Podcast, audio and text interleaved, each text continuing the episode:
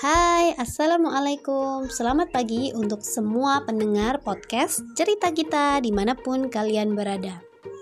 Tetap jaga kesehatan dan protokol kesehatan di masa pandemi seperti ini Supaya aku, kamu, dan semuanya terlindungi dengan baik.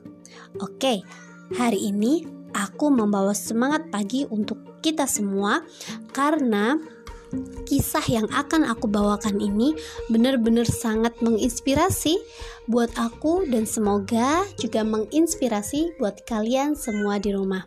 Penasaran? Tetap berada di cerita kita. Check it out.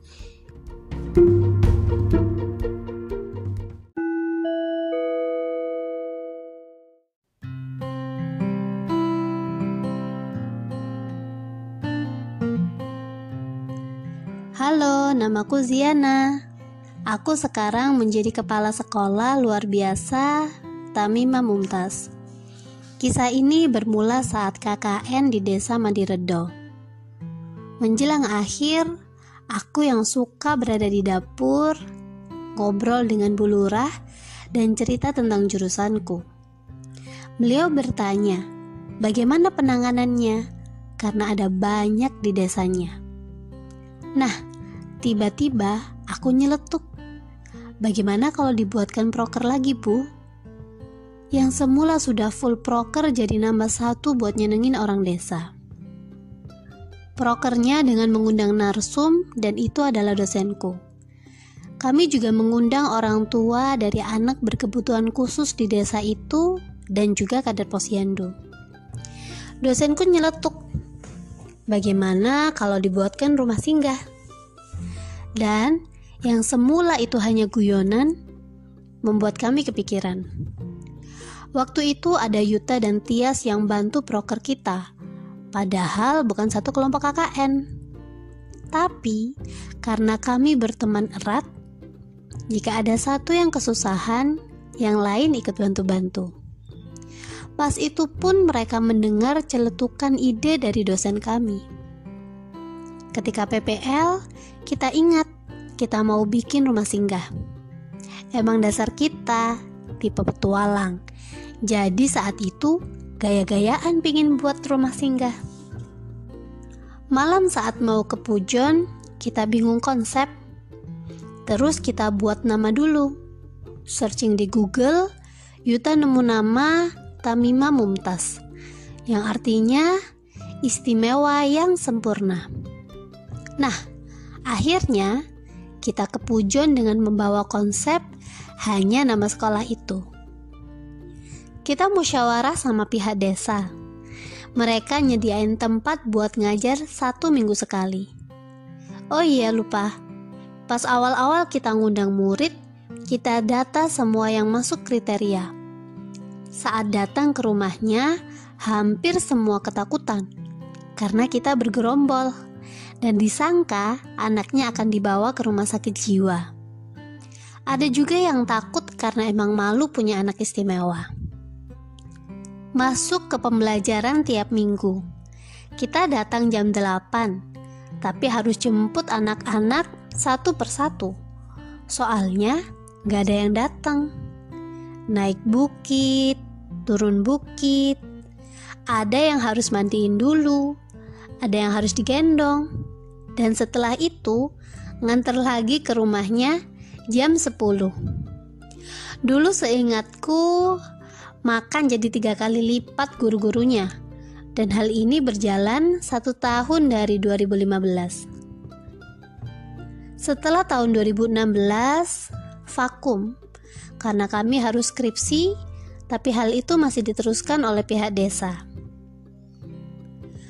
2017 kami lulus. Kami kepikiran sekolah yang pernah kami tinggalkan. Dan akhirnya kami datang kembali.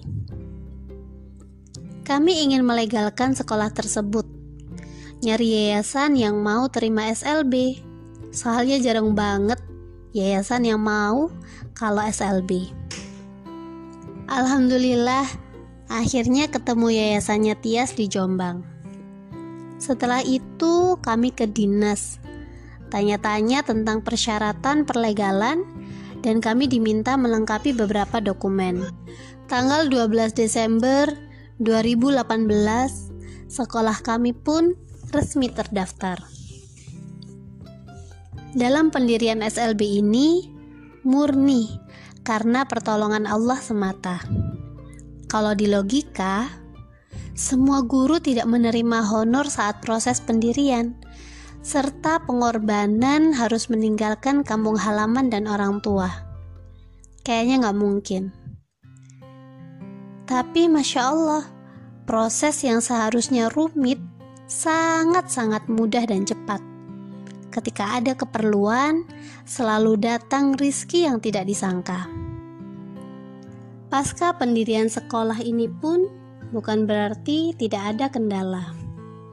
Sekolah kami mengalami kecurian sebanyak tiga kali, dan terakhir paling parah Dokumen dihambur-hamburkan.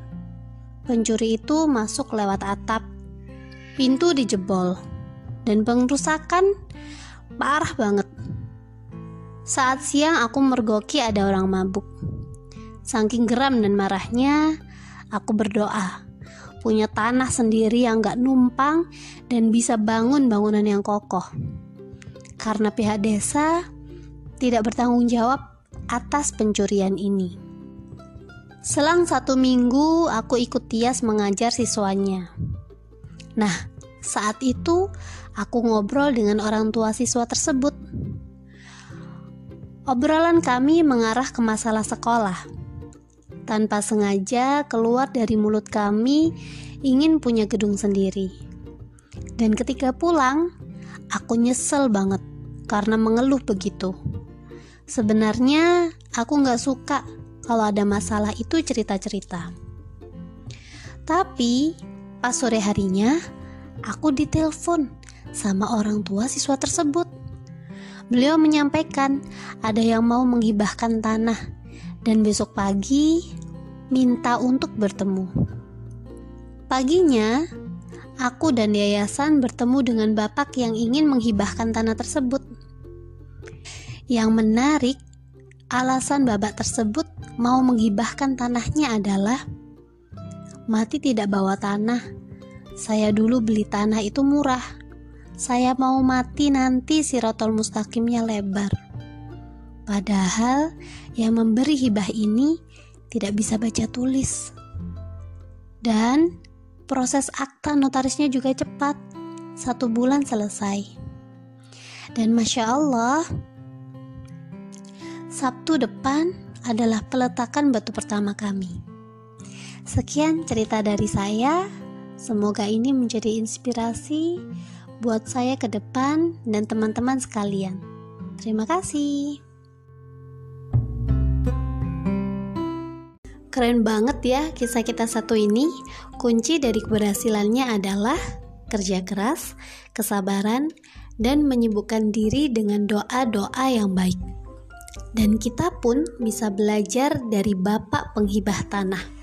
Walau tidak bisa baca tulis, tapi niatnya mulia banget. Dunia sementara, akhirat selamanya.